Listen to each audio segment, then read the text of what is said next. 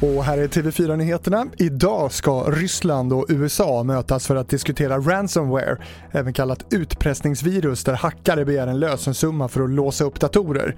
Samhällets kostnader för den här typen av hackerattacker har ökat kraftigt de senaste åren och Joe Biden har kritiserat Ryssland för att skydda hackare inom landets gränser och hotat med att slå tillbaka. Dödssiffran efter de kraftiga översvämningarna i Tyskland fortsätter att öka. Vid eh, sjutiden idag på morgonen hade 81 dödsfall bekräftats. Ytterligare ett tiotal döda har konstaterats även i Belgien. Flera hundra personer i Tyskland har ännu inte gått att nå på grund av ett havererat mobilnät. De flesta är eniga om att dödssiffran kommer att öka ytterligare, vilket förbundskansler Angela Merkel befarade igår. Till sist om en över 2000 gammal mjölktand från Julius Caesars tid hittad av en 13-åring i Skåne.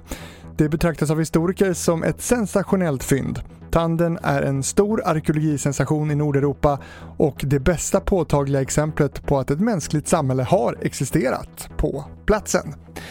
TV4-nyheterna med Fredrik Rahlstrand.